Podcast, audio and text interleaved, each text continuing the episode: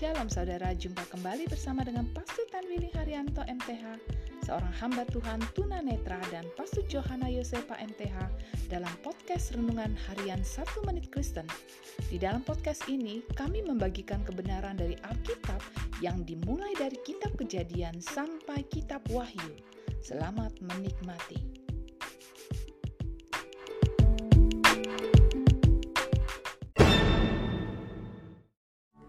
Shalom saudara yang berharga di mata Tuhan, senang dapat jumpa dengan saudara.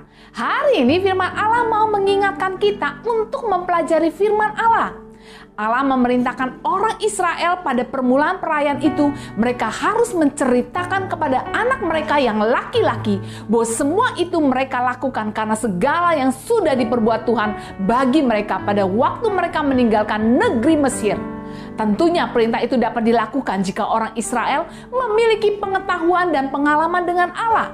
Saudaraku, ketahuilah bahwa hadir dalam ibadah setiap minggu dengan memuji dan mendengarkan khotbah merupakan tindakan yang baik.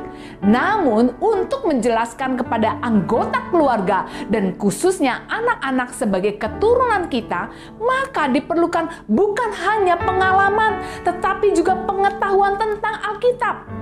Dan untuk itu, memiliki pengetahuan Alkitab, kita harus dengan tekun membaca Alkitab setiap hari. Marilah kita dengan tekun membaca Alkitab setiap hari dan mengajarkannya kepada anak-anak kita. Amin.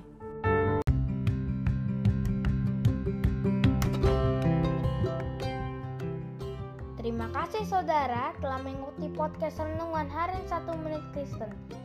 Doa kami Kiranya kebenaran yang saudara terima akan membuat saudara semakin berakar di dalam Tuhan dan bertumbuh dan berbuah lebat di dalam Tuhan. Tuhan Yesus memberkati.